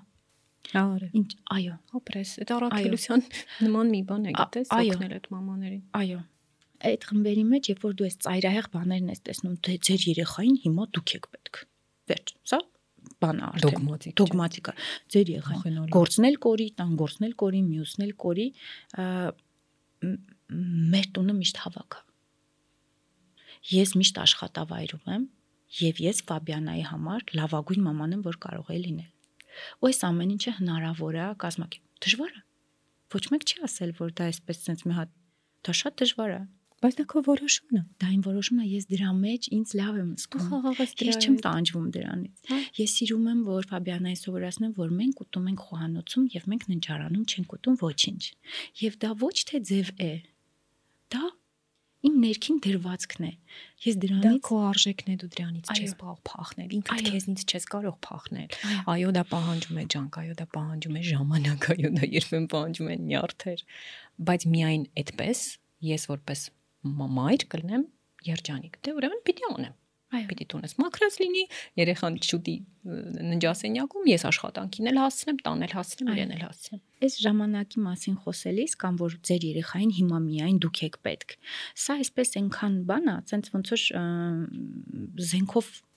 Հա։ գնդակ հա- հարված է, սա հարված է գիտես այն բոլոր մարդկանց, ովքեր որ էլի մենք միշտ ես սովորել եմ լոկալից դուրս նայել նայել էս Հայաստանի պատուհանից դուրս ամբողջ աշխարհով նայենք այսինքն այս դեպքում այն բոլոր մամաների բալիկները ում մամաները դեսպան են վարչապետ են նյարդաբան են խիրուրգ են նոտար են ըմ, տեզերագնաց են Այսինքն, ամբողջ աշխարհում այս ամեն չկա, չէ, պարտադիր չի։ Մենք նեղացնենք։ Այո։ Այսինքն, այս բոլոր մարդկանց երեխաները մեծացել են առանց մայրական սիրո կամ մեծացել են վատ։ Եթե մենք նայենք եւ ստատիստիկայով դիտարկենք, հաջողակ մարդկանց երեխաներին նայենք, ինչպիսի երեխաներ են մեծանում, ինչ կրթություն են ստանում, ինչ դիսցիպլինայի են տիրապետում, ինչպիսին է իրանց մամայի մոդելը, ռոլ մոդելը իրանց աչքերում, ստատիստիկան այլ բան է ցույց տալիս։ Իհարկե ստատիստիկան այլ բան։ Ես չեմ ուզի Ֆաբիանան ինձ տեսնի 24 ժամ տան մեջ, այսպես մոլորված կենցաղի մեջ, չաճող, չզարգացող, չկարդացող, չսովորող, չ այսպես չհետաքրքրվող ինչ որ մեկին, որովհետև երբ որ Ֆաբիանային հիմա հարցնում են, որ մեծանաս ինչ ես ուզում դառնալ, ինքը ասում է՝ «Մամա, Վախ, արև։ դու պատկերացնում ես դա ինչ պատասխանատվություն է ինձ համար, ոնց է ինձ պարտավորեցնում այդ պատասխանը»։ Ինքը ասում է՝ «Մամա, սենց այսինքն այլ ուրիշ բան կա, որ ես պետքա դառնամ»։ Ամ, Վերջերս նկատել էի մի օրինակով, օրինակ Ֆաբիանան խոհանոցային աշխատանքներ չի սիրում անել։ Երբ որ ես մեկ-մեկ իրան ասում եմ, դե արի մի բան պատրաստենք իր, դա իրան չի ձգում։ Ու ես փորձեցի այդ հարցի պատասխանը իմ իմ իմ մեջով ֆիլտրել։ Ինքը ինձ քիչ է տեսնում պատրաստելուց։ Ու երբ որ դու պատրաստում ես, դու այն role model արևիկը չես, էլի դու մի քիչ այդքան էլ քոնը չի։ Դե բեր մամ, չանենք այդ, որտեվ ինքը ոնց որ երևի զգա, որ դու տենց այդ պահին տենց որոշել ես, որ դուք միասին պիտի աղցան կտրատեք։ Արհեստական։ Այո, դա արհեստական է, որ ես իրան ներգրավեմ ինչ որ մի բան մեջ, որտեվ միտեղ կարդացել եմ, որ իրան պետքա ներգրավել կենցաղային գործերի մեջ։ Բայց ինքը ինձ չի տեսել դա անելուց։ Օրինակ մի հետաքրքիր բան բոլորը զարմանում են, Ֆաբիանան առաջին իր նախադասությունները բառակապակցություն եղել է մամա ուրախ ես։ Հմ։ Ամեն օր ես դա լսում եմ իրանից։ Մամա դե ուրախացի։ Երբ որ ես իրան մի փոքր նկատողություն եմ անում, ինքը ինձ անմիջապես ասում է մամա, բայց ուրախ ես։ Սիրտը գցելով է այդ հարցը տալի, այդ շատ բան է, շատ չգիտեմ դա ինչ է, այդ Իսկ դա կարող է նա որ ինքը ինչ որ ֆլուիդներով զգում ա որ այդ պահին դու ուրախ ես։ Թե դա մի բան է որ մամ միշտ ուրախ եղիր։ եւ այն եւ այն։ Զգալու վերաբերյալ էլ տեստ անելու կարիք չունենք, մենք համոզվեցինք, որ իմ ու Ֆաբիանայի մոտ տարօրինակ կապ կա, այդ կապը կա, ես կարծում եմ բոլոր բոլոր մամաբալիկների մեջ մեկի մոտ դա արտահայտվում է, օրինակ։ Վերջերս գիշերը ժամը 1-ն էր, ես Facebook-ի feed-ը այսպես թերթելուց ընկա էլի ինչ որ մի ալիքի մեջ, որտեղ գազայում այս երեխաների մարմինները տեսա։ Ա հետո դու գիտես որ արհեստական բանականությունը քեզ ասում է դե արի ես քեզ ավելին տամ։ 3 վայրկյան հայացքդ վրան պահեցի հիմա քեզ։ եւ իմ մոտ մի հատ իստերիկա սկսվեց։ Ես պատշգամբի թուրը բացեցի, ես դուրս եկա որ օդ շնչեմ, ես սկսեցի բարձրաձայն ոնց որ sense չգիտեմ ինչ կատարվեց իմ հետ ու ես այդ լացը մեր սենյակները բավականին հեռու են Ես ինձ հանգստացնելով հետ բերեցի սենյակ ու Ֆաբիանայի ճճոցը լսեցի։ Ինքը գիշերներ չսարտնող բալիկա, ինքը չլացող բալիկա։ Ես շատ տարօրինակ բան եմ քեզ պատմելու։ Ֆաբիանան ինձ կանչեց, ասեց ուզում եմ ինձ հագցնես հանես դուրս։ Գիշերը երբ Այդ նույն օրը։ հա այդ իմ այդ իմ այդ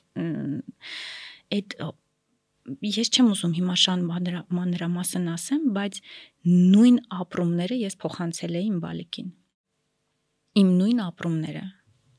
ինքը ուզեց իրան ընջարանից դուրս հանեմ ես իրան, ես իրան մի հատ բաճկոնով մեծական փաթաթել եմ, մենք դուրս ենք եկել պատշգամբ, որտեղ որ ես էի, ինքը ինձ ասեց ինձ հանիմ սենյակից դուրս, ես ասում եմ դուրս գամ։ եւ մենք մի ժամ գրեթե իրար հետ ես իրան առաջարկել եմ մի համեղ բան, ես իրան առաջարկել եմ լույսը միացնենք խաղանք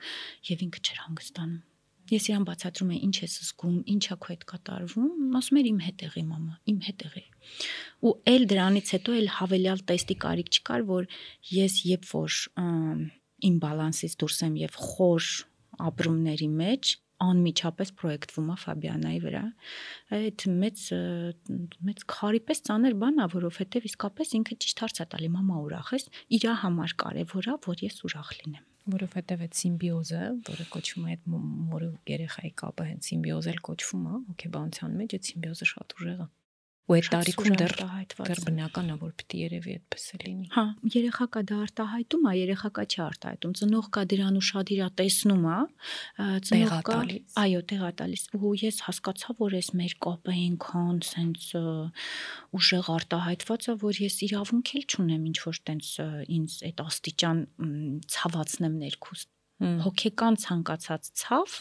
աչքերից ցանկացած տխրություն ինքը անմիջապես դրան ռեակցիա է տալիս։ Ու սա շատ կարևոր է, սա շատ կարևոր է այն իմաստով, որ տանեմ մի քիչ ենկում ծնողներ կան, ովքեր միշտ այդ ծնողական էգոիզմ ասեմ, ինչ ասեմ, երբ որ ինքը ուզում է ինչ որ մի տարիքում, ես իմ ընկերների մեջ այդ օրինակը տեսել եմ, երբ որ ինքը ինչ որ sense դարդոտ բան մանիպուլյացիայի ձևը զավակին անդադ կողքը պահելու իրանից կապելու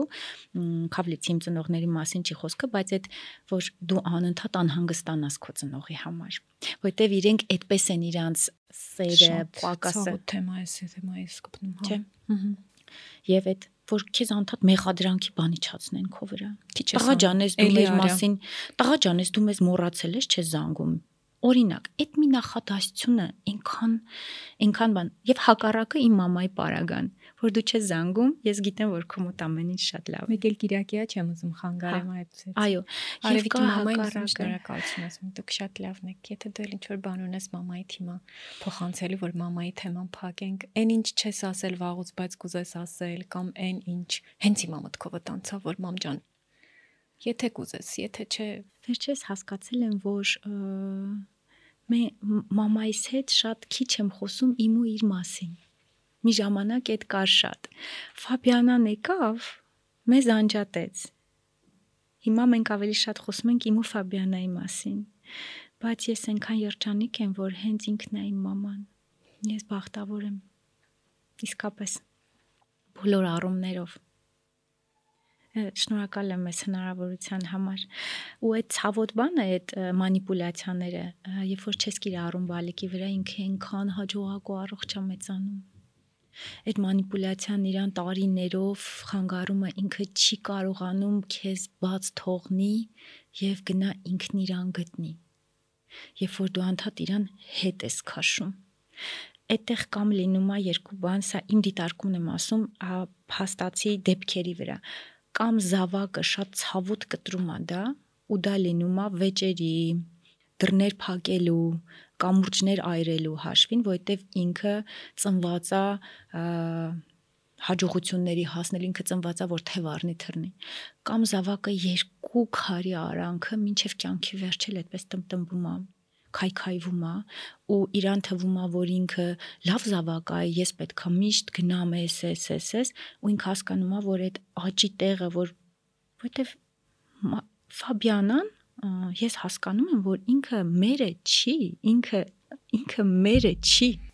Ինչքան էլ ցավոտ է դա գիտակցել մեր երեխեքը մեր սեփականությունը չի, չեն, մեր երեխեքը մեր խաղալիքները չեն, մեր երեխեքը մեր շարունակությունը չեն։ Իհարկե։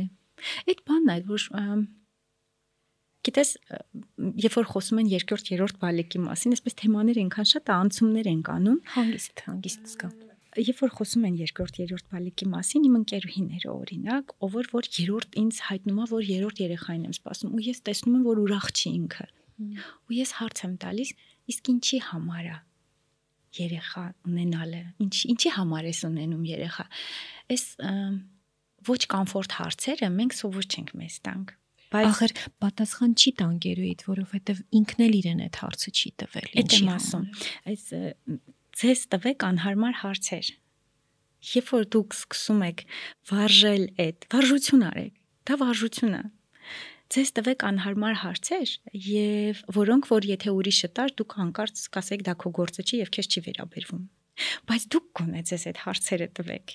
եւ երբ որ դուք ես այդ հարցը տալիս ես ինչի համար է երեխան մի բաժակ ջուր տվող լինի վաղը օքեյ մի հատ ունեցի բրցիկը տա արև ինչի համար է երեխան գիտես այդ հարցի հստակ պատասխանին դեռ իմ մեջ չեմ հարց, որտեվ այս հարցը ինձ տվող եղել է եւ ես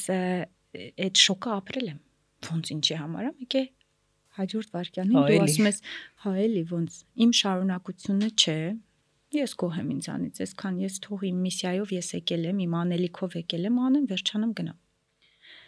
բա ինչի համար է նոր մարդ Սա երևի մարդկության ամենակարևոր հարցերից մեկն է, ինչի համար ենք մենք աշխարհ եկել։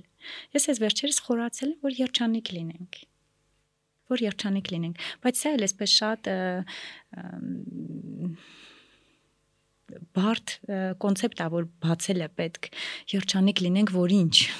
հա դե այսպես կարելի է անվերջ այսպես հա այս էքզիստենցիալ երջանիկ լինելն էլ է շատ տարբեր էլի ամեն մեկը մեր ձևով ու չափով ես վերջերս փորձել եմ բաներ տալ ձևակերպումներ տալ որ ավելի սկսեմ հասկանալ ինչ սյուների վրա է իմ կյանքը, ինչ որ սյուներն են դա, ինչ արժե համակարգի վրա է հիմնված իմ կյանքը։ Է 40 եմ հասնում, հիմա նոր եմ այդ հարցերը ինձ տալիս։ Էնպես չի որ դա շատ հեշտ է։ Նորմալ է, ինչեւ է չեկել տալիս։ Այո, բայց այդ որ սյուներն են։ Օրինակ, դա ես եմ մեկի մոտ։ Ես օրինակ ես իմ եսը հիմա հələ որ չեմ դրել որպես սյուն։ Դա իմ ընտանիքն է, դա իմ ծնողներն են, այստեղ նաև երբ որ դնում եմ ծնողների սյունը, էլի իմ եսն եմ որտեղ որպես զավակ եմ ինձ ուզում այդ սյան մեջ տեսնել, թե ինչպիսի զավակ եմ ես, թե ինչպիսի ընտանիքի կին եւ մայր եմ ես, որովհետեւ էլի հիմքում ես եմ։ Կարիերան, թե ինչպիսի կարիերա եմ անում ես, սոցիումը, շրջապատը, ընկերները, ինչպիսի ընկեր եմ ես, արդյունքում դուրս է գալի բոլոր սյուները եսի մասին է արդյունքում դուրս է գալիս, որ այդ երջանկությունը, որ այդ փյունների վրա պիտի կառուցենք, այդ ճանապարհն է դեպի ես։ Դեպի իմ եսն ու իմ երջանկությունը։ Այո։ Բայց այդ ճանապարհը դեպի ինքդ քեզ ինչ որ մի տարիքում պետքա դու հասկանաս, որ պետքա հագնես քո կեդերը, պետքա վերցնես քո ռուկզակը, մեջ ամենաանհրաժեշտ բաները վերցնես, դնես ու գնաս, գաս, դեպի քեզ գաս։ Ու քանի դեռ դու դեպի քեզ չես եկել, չես նստել, քեզ այդ անհարմար հարցերը չես տվել,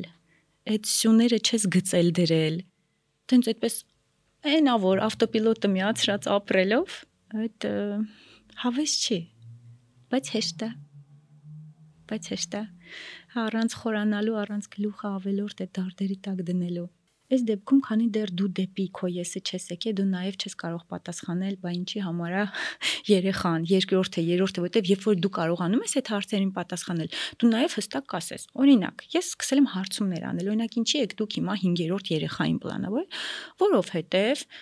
տանիքի հայրը, ով որ բավականին ապահովված է, ինքը մտածում է, որ դեմոգրաֆիկ հարց պետքա լուծվի, պետքա մենք ազգովի շատանանք եւ ինքը իր վրա վերցրել է նաև այդ բանը քաշել է նաև իր կողմ այդ պատասխանատվությունը ինքը ասում մենք մեր ազգը պետքա շատացնենք, ես շատ երեխա եմ ունենում, ես խելացի մարդ եմ, ես մարդը գիտի, ես դա հասկանում եմ, որ շատ գիտակցված, պատճառաբանված ու շատ լավ իր հետևանքներով առաքելությունը։ Սա մի բան։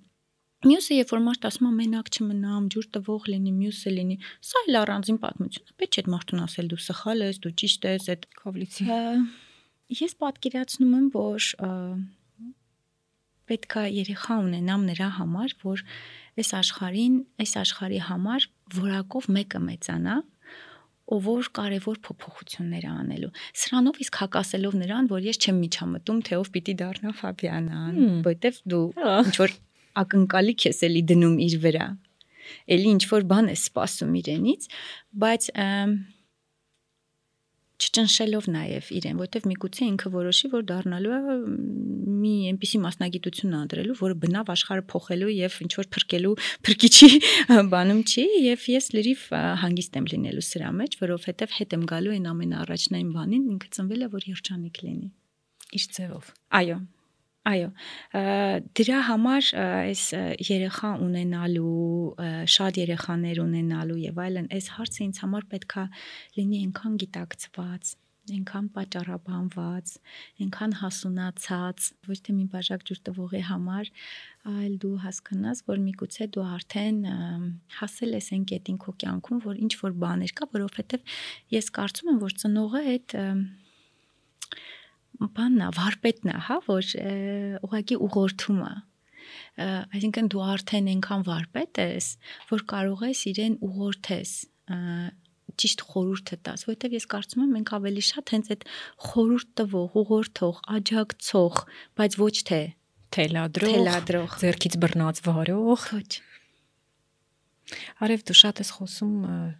շնորհակալ լինելու կարևորությունից։ Այն ընդհանրապես շնորհակալ մարդ ես դրանից շատ ես խոսում հարցազրույցներում, քո էջում, քո գրառումներում։ Ինչին ես, ինչի համար ես շնորհակալ Ֆաբիանային։ Ես կարծում եմ, որ բալիկները իրանք բոլորը կան, պատրաստի, ուղղակի իրանք սպասում են, որ ընտրեն ծնող։ Առաջինը papayin, հետո մամային հիմա մի ամբողջ եթեր, եթե դու ինձ սկսես շատ հարցեր տալ, դրա վրա հարցն է ինչու առաջինը papayin, հետո մամային, բայց ես ինձ կզսպեմ, որովհետև այս հարցին համար շատ կարևոր է, թե ինչ է, ինչի համար ես դու կոնկրետ Ֆաբիանային շնորհակալ։ Գնամ նրան, որ ես շնորհակալ եմ, որ ինքը ընտրել է մեզ եւ ընտրել է ինձ որպես մամա ես վստահ եմ, որ ինքն է ընտրել։ Ես վստահ եմ, որ իմ ջանքերը, իմ ցանկությունները Ֆաբիանային ունենալու շատ քիչ են եղել։ Այնքան քիչ, որ շատ քիչ նշանակություն են ունեցել եւ իր ցանկությունն է եղել այդ ժամանակահատվածում այդ ծնողների մոտ գնալը Եվ ես իսկապես շատ շնորհակալ եմ, որ հենց Ֆաբիանան իր տեսակով, իր ինքնությամբ իր անունով, իր աչքերով, իր արտակինով ինքը ընտրեց ինձ, որ ես լինեմ մամա։ Ես շնորհակալ եմ նաև, որ Ֆաբիանան որպես մամա ինձ զգում է, այդ երեխան զգում է, այդ երեխան զգում է, որ ես աշխատում եմ, զգում է, երբ որ ես տխուր եմ, զգում է, երբ որ ես ժամանակ ունեմ իր համար։ Ինքը զգայուն այդ էմոցիոնալ դաշտը իր մոտ բավականին զարգացած է, ինչի համար ես շատ երջանիկ եմ։ Ես այնքան եմ կարևորում դա, այն մնացած բաները ձերք բերովի բաներ են Սա հուզական գրագիտությունն է, էլի մեր այս որ խոսում ենք, այդ որ այդքան ասում են հուզական գրագիտություն, բայց այն Ֆաբիանն 3 տարեկանում իր մոտ շատ սուր է զարգացած, ինչը ինձ համար մեծ բարգև է, ինչի համար ես շնորհակալ եմ։ Շատ լավ է։ Իսկ ինչ է տարել քեզանից Ֆաբիանն արև։ Ինչն է, չեմ ուզում ասել կորցրել իր հետ, բայց ինչն է քեզ պակասում այս 3 տարիների մեջ։ Շատ տրիվիալ բաներ, որոնք շտկվող են, որոնք կազմակերպվող են, որոնց հետ ես հաշտ եմ։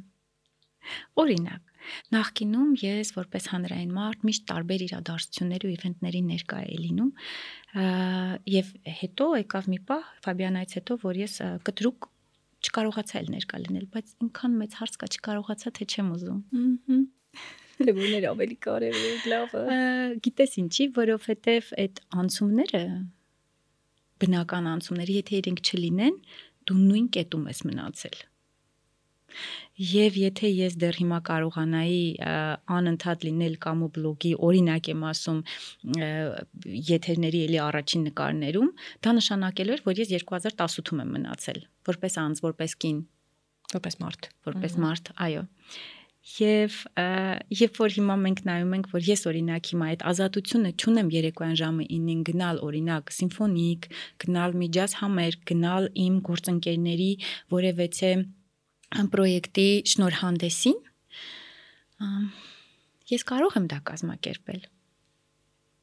Ես կարող եմ դա կազմակերպել, բայց ես էլ ցանկություն չունեմ։ Երեք 3 տարվա մեջ առաջին անգամ, անկեղծ եմ ասում, ես իմ երկու ընկերուհիներին հրավիրել էի, մենք միասին նստենք տանը, մի քիչ ժամանակ անցկացնենք միասին։ Եվ ես զգացի, որ ես անգամ ընկերներից ինձ կտրել եմ։ Ես այդ աղջիկական, այդ որ խոսենք, ով բաժանվեց, ով ամուսնացավ, ով ինչ, ով ուր գնաց, ով ինչ արեց, ով ոնց ազգում, մեր հոգեվիճակները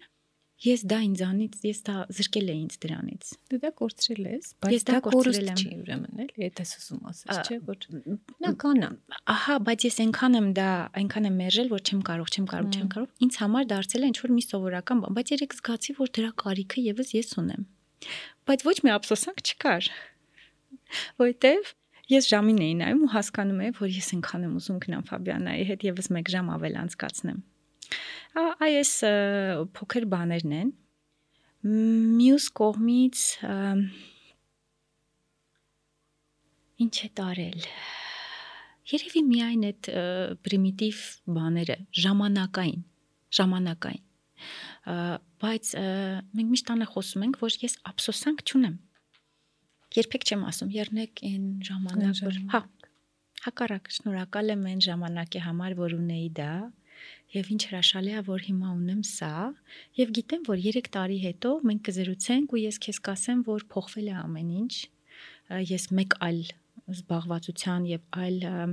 Առաջնահերթությունների կամ այո, եւ դա շատ օրգանիկ անցումներ ու դու մեկ որոնք շնորհակալ անհրաժեշտ- կլինես Միանշանակ։ մեկ երջանիկ Միանշանակ։ Հարցազրույցներից հետ մեկում ասել ես կփորձեմ երեխայից փոխա դեռ փոքր էր Ֆաբիանը նորածին էր մի քանի ամսեկան կփորձեմ երեխայից փոխանցել շատ սեր եւ համբերություն հələ սիրո հետ ամեն բան པարզա բնական է կասկած չունեմ ու այնքան նորմալ է այնքան աուտենտիկ է որ պիտի սեր փոխանցենք ու դա ամենակարևոր բաներից է որ պիտի փոխանցենք բա համբերությունն ինչի համար արև թե դա արդեն ակտուալ չի այն ժամանակ էր քեզ համար ակտուալ երբ Ֆաբիանան նոր էր ծնվել Հիմա էլ ակտուալ է։ Ինքս իմ մեջ էլ վարժում եմ համբերություն։ Տարական համբերություն լսել քո հարցը ինչև վերջ մենք միշտ լսում ենք պատասխանելու համար, երբեք չենք լսում լսելու համար։ Շատ քիչ դեպքերում է, որ շատ քիչ մարդիկ կան, ովքեր իրենց մեջ վարժել են դա, որովհետև մենք ամենաշատը սիրում ենք մեր ձայնը։ Եվ մենք լսում ենք անմիջապես պատասխանելու համար։ Մեծ ջանքեր է պետք լսել, ուղագի ուրشادիր լսելու համար։ Ես դեռ աշխատում եմ Ես դեռ ինձ բռնում եմ, երբ որ ես չեմ համբերում եւ ուզում եմ պատասխանեմ։ Բայց ես ուզում եմ իմ մեջ վարժեցնեմ, քանի որ ես գիտեմ, որ դա խնդիր է։ Ես Ֆաբիանային հենց իմիկվանից սովորացնում եմ համբերություն։ Երբ որ օրինակ ես տանը խոսում եմ Ֆաբիանայի դայակի հետ ու Ֆաբիանան արագ միջամտում է նույն բանը 10 անգամ մամա մամա Ես իրեն չեմ զլանում ամեն անգամ ասելու, խնդրում եմ քեզ, համբերիր, ես իմ խոսքը կավարտեմ, դու կարևոր ես, ես քեզ հիմա կլսեմ կամ խնդրում եմ ինչ որ մի ձևով ինձ հարցրա մամա ջան, հիմա դու կարող ես մի հատ ինձ լսես։ Դրանով իսկ իր մեջ ուզում եմ վարժեցնել եւ սովորացնել տարական համբերությունը։ Սա համբերության մի դրսևորումն է, որը շատ խորն է։ Հաջորդը համբերությունը, երբ որ դու կուբիկներով շարում ես մի բան ու դա քո մոտ չի ստացվում։ Եվ դա դու պետքա պրոյեկտես, երբ որ դու լինես 20 ու պարապես բու ընդունվելու համար։ Երբ որ դու լինես 30 ու քո մոտ չստացվի բալիկ ունենալ, դու պետքա համբերես եւ հաղթահարես շատ համբերատար։ Այս համբերության մասին է խոսքը, որ քայլ առ քայլ սայթակելով չհաջողվելով ֆեյլեր ունենալով, բաժանումներ ունենալով, խնդիրներ ունենալով դու նորից կառուցես քո բուրգը քո կուբիկներով։ Սա եւս շատ կարեւոր համբերություն է։ Ես չգիտեմ որ ինտերվյուի ժամանակ եմ ասել, այն ժամանակ դեռ այսպես գիտակցված չի եղել այդ ասելիքս, պատկերացրա ազնիվ լինեմ, որովհետև փորձառության մեջ նոր աճել է, ես հասկացել եմ դրա կարևորությունը, երբ որ ես արդեն գործնականում հասկացել եմ ինչքան կարևոր է իր մեջ այդ բանը ճյուղը զարգացնել։ Բայց երևի ինտուիտիվ եմ դա ասել։ Այն ժամանակ շատ կարճ էիր պատասխանել, այդպես փոքր կարճ հարց ու պատասխաններ էր, բայց ինձ այնքան sense գրավեց, ասի ելեմ առիթ է հացնում։ Դες ինչ էի ուզում ասել, ես էլ եմ աղջիկների սովորեցրել հատկապես փոքրից ժամանակ դա ինձ շատ պետք եղավ, որ չմիջամտի խոսակցությանը չընդհատի, ու մենք սովորեցինք շատ པարս trick, շատ པարս հնարք։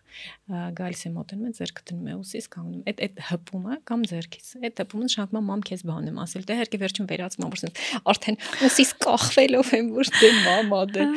Ես համբերատար նայում եմ, ձերքին կպնում եմ, այսինքն ես զգացի, ես քեզ տեսա, ես քեզ նկատեցի, բայց պիտի մի, մի, մի փոքր էլ համբեր ես։ Դեր դեր Ֆաբիանան փոքր է ինքը գալիս է, այսպես անվան ունեմ, ասենց ես ասենց մի օր կտրուկ ասացի, որ այդ խփելը շատ տգեղ է,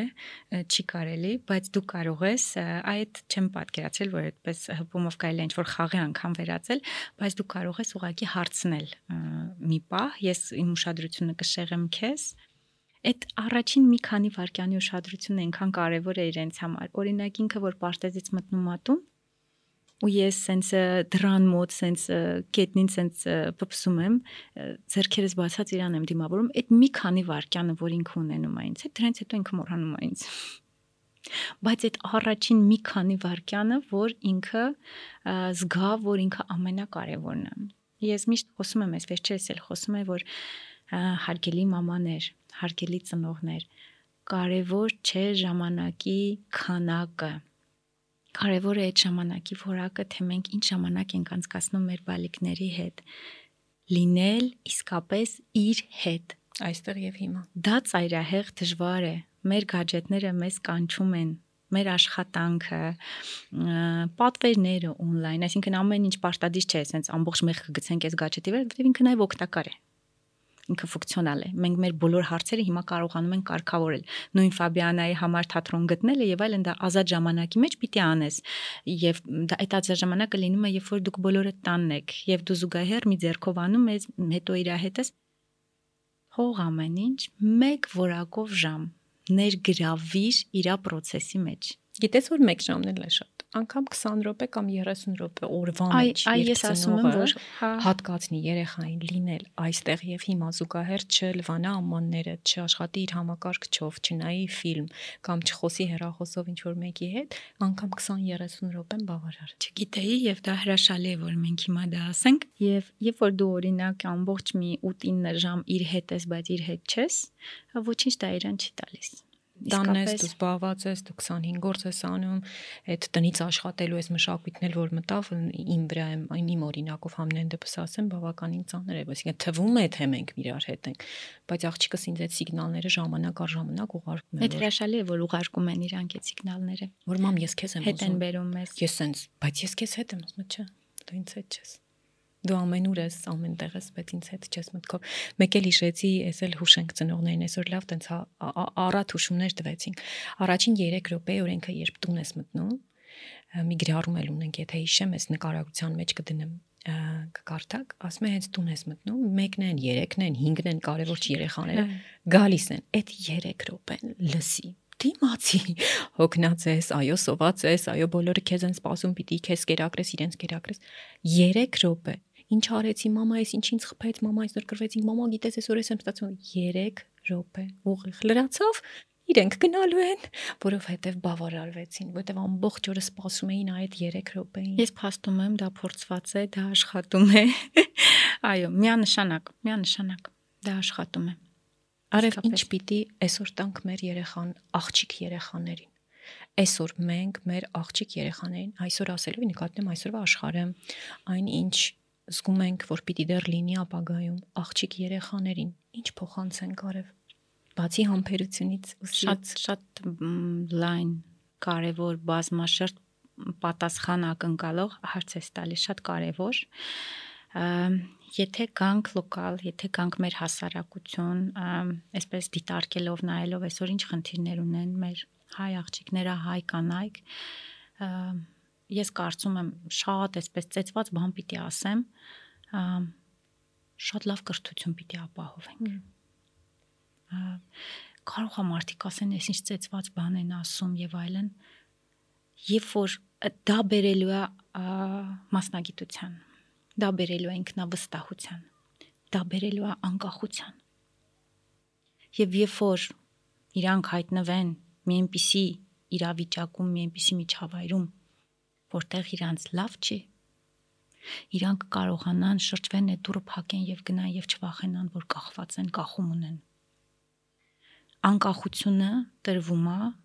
խոսքը նաև այդ անկախությունը մենք այսպես չ չանտեսենք դա դա ֆինանսական անկախության մասին է քո այսօրվա կրթությունը, քո վաղվա ֆինանսական անկախությունը, քո ապահովությունն է, քո ամուր ոդքերը հողին դնելն է։ Եվ երբ որ դու ունես այդ անկախությունը, դու որպես անհատ ունես կրթություն, մրցունակ մասնագիտություն, որպես մարդ որպես կին չէ, որպես տղա մարդ չէ, որպես աղջիկ երեխա չէ, որպես տղա երեխա չէ, այլ որպես մարդ։ Դու մրցունակ ես,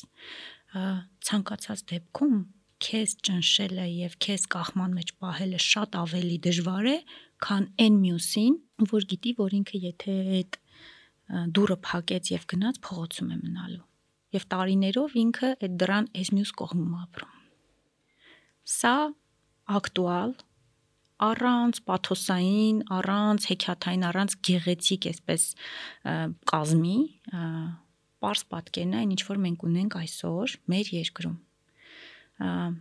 մեր աղջիկներին, մեր կանանց պակասում է այդ անկախությունը, ինքնավստահությունը սեփական անձի հանդեպ այդ որտեվ այդտեղ դու արդեն սկսում ես օրինակ այդ նույն խմբերում երբ որ կարդում եմ մարդիկ կմեկը գրում են դե հարգեք ձեզ դե սիրեք ձեզ այդ մի օրում այնպես չի մեկ է դու զարթնեցիր ու այդ ամբողջ ընտանիքին ովքեր քեզ ճնշում են ու քո երեխային որոշեցիր որ դու պետքա քեզ հարգես չէ հարգանքը սեփական անձի հանդեպ ինքնարեալիզացման ինքնուրույն հարցեր լուծելու ամուր ոդքի ոդքերի վրա հողին կանգնելու այս այս ամեն ինչից է բխում այդ հարգանքը Եվ ես շատ կցանկանամ մենք մեր երեխաներին տանք լավագույն կրթությունը։ Այն ինչ որ մենք ինքներս բաց ենք թողել միայն կրթության մասով։ Մնացած հարցերում ես շատ քիչ բան ունեմ Ֆաբիանային տալու։ Իմ պատասխանատվության սահմանը, իմ պարտականությունը իր հանդեպ ապահովել իրեն համար լավագույն կրթությունը հետոն արդեն ինքը որպես անհատ, որպես անձ, թե ինչպես կձևավորվի ոնց կանի, ես իր ընկերը կլինեմ, չնայած ծնողը դա ընկերը չի։ Շնորհակալ եմ։ Այս առանցին խոսալու թեմայը այսօր չենք սկսի, բայց հա շատ կարևոր է, որ երբեմն շատ եմ լսում ծնողներ ասում են ես իմ երեխայի ընկերն եմ։ Նո, քան բան կա տեղ։ Չէ, այնքան ծավալվելու, չէ, որ ասում են ծնողը ընկերը չի, պետք է փոթվել այդտեղ։ Այո։ Արև ջան, շնորհակալ եմ քեզ անչափ, որ եկար եւ այսքան առատ խոսեցինք։ Ես վստահ եմ, որ ես քեզ էլի կկանչեմ։ Դա չի լինի 3 տարուց ես այդքան չեմ համբերի, բայց ամեն աստծո տարի ես կուզենամ քեզ հետ խոսեմ, ամեն տարի թարմացնենք այն ամենը, ինչ դու ասեցիր, որովհետև ես քեզ անverջ կարող եի այսօր լսել։ Շատ քիչ ընդհատեցի, չէ՞։ Ասեք որ շատ քիչ։ Ինքան շնորհակալ եմ այս զրույցի համար, շատերը սպասում են իդեպ այս զրույցին, որովհետև այն ինչ որ մենք անում ենք քո օգնությամբ, դա շատ կարևոր է իսկապես կարևոր է ու շնորհակալ եմ։ Ես կարծում եմ, որ մեր զրույցը ինչ որ մի քանի հոգում մոտ այդ բանը լինելու է։ Գուցե այսպես, այո, եւ դա կլինի այն արժեքի ստեղծման process-ը, որ մենք բոլորս սարթնում ենք ուզում ենք անել օրվա մեջ մեր կյանքում։ Շնորհակալ եմ քեզ։ Ես էլ քեզ։ Արևիկի հետ զրույցից ես վերցրեցի ամենակարևոր գաղափարներից մեկը, որ երեխա մեծացնելիս շատ հաճախ մոռանում ենք Դա կոնցեպտների, արժեքների փոխանցումն է եւ հետո մի կողմ քաշվել եւ նայել ինչ կլինի եւ ինչ կանի երեխան այդ ամենի հետ։ Ոչ թե սովորեցնենք կամ արգելենք նրան չուտել քաղցր կամ չխմել կոկա-կոլա, այլ փոխանցել կոնցեպտը, որ առողջ ապրելակերպը կամ առողջ սնունդը կարեւոր է։ Ոչ թե փոխանցել իրեն թե նա ինչ պիտի վաղը դառնա, սովորեցնել, հետևել, վերահսկել, անverջ վերևից ճնշել, այլ վստահել մեզ վստահել երեխային նրա հնարավորությունների անսահմանությանը եւ հետևել ուղղորդելով տալով խորուրդ, ձերքից բռնելով, ուղություն տալով, բայց չպարտադրելով եւ որևէ կերպ չպահանջելով նրանից, որ նա բավարարի մեր ակնկալիքները։ Իսկ դուք չմոռանաք տարածել այս ոդկասթը այն ծնողների շրջանում, ում գուցե այս հարցերը հիմա շատ կարևոր են, հատկապես երիտասարդ ծնողների, ինչպիսին արևիկներ, եւ հենց հիմա ձեր սրտիկը կամ լայք կոճակին սեղմելը կամ տարածելու կոճակին սեղմելը ձեզ համար մի փոքրիկ քայլ է, իսկ մեզ համար անգին աջակցություն ոդկասթի կյանքի երկարացմանը։